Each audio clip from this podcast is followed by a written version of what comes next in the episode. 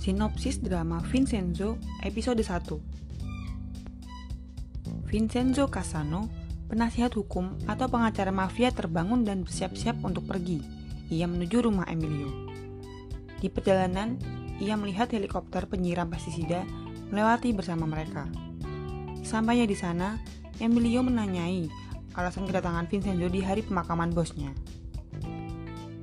Vincenzo memberikan penawaran terakhir dari bosnya kepada Emilio karena telah membunuh ketua serikat Carlo untuk menguasai kebun dan serikatnya. Namun, Emilio enggan menerimanya karena ia merasa ini tidak ada hubungannya dengan keluarga Casano dan keluarga Lucino akan melindunginya.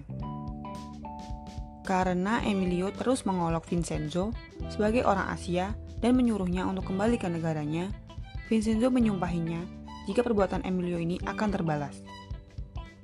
Vincenzo pun berjalan pergi meninggalkan kediaman dan kebun anggur itu. Emilio tidak melihat helikopter yang menyiram pestisida itu dan bertanya-tanya mengapa mereka menyiramnya di luar jadwal. Ternyata mereka bukan menyiram pestisida. Vincenzo menyalakan korek apinya dan membuangnya ke arah halaman rumah Emilio, sehingga semua terbakar dan membuat Emilio panik menyuruh anak buahnya memadamkannya.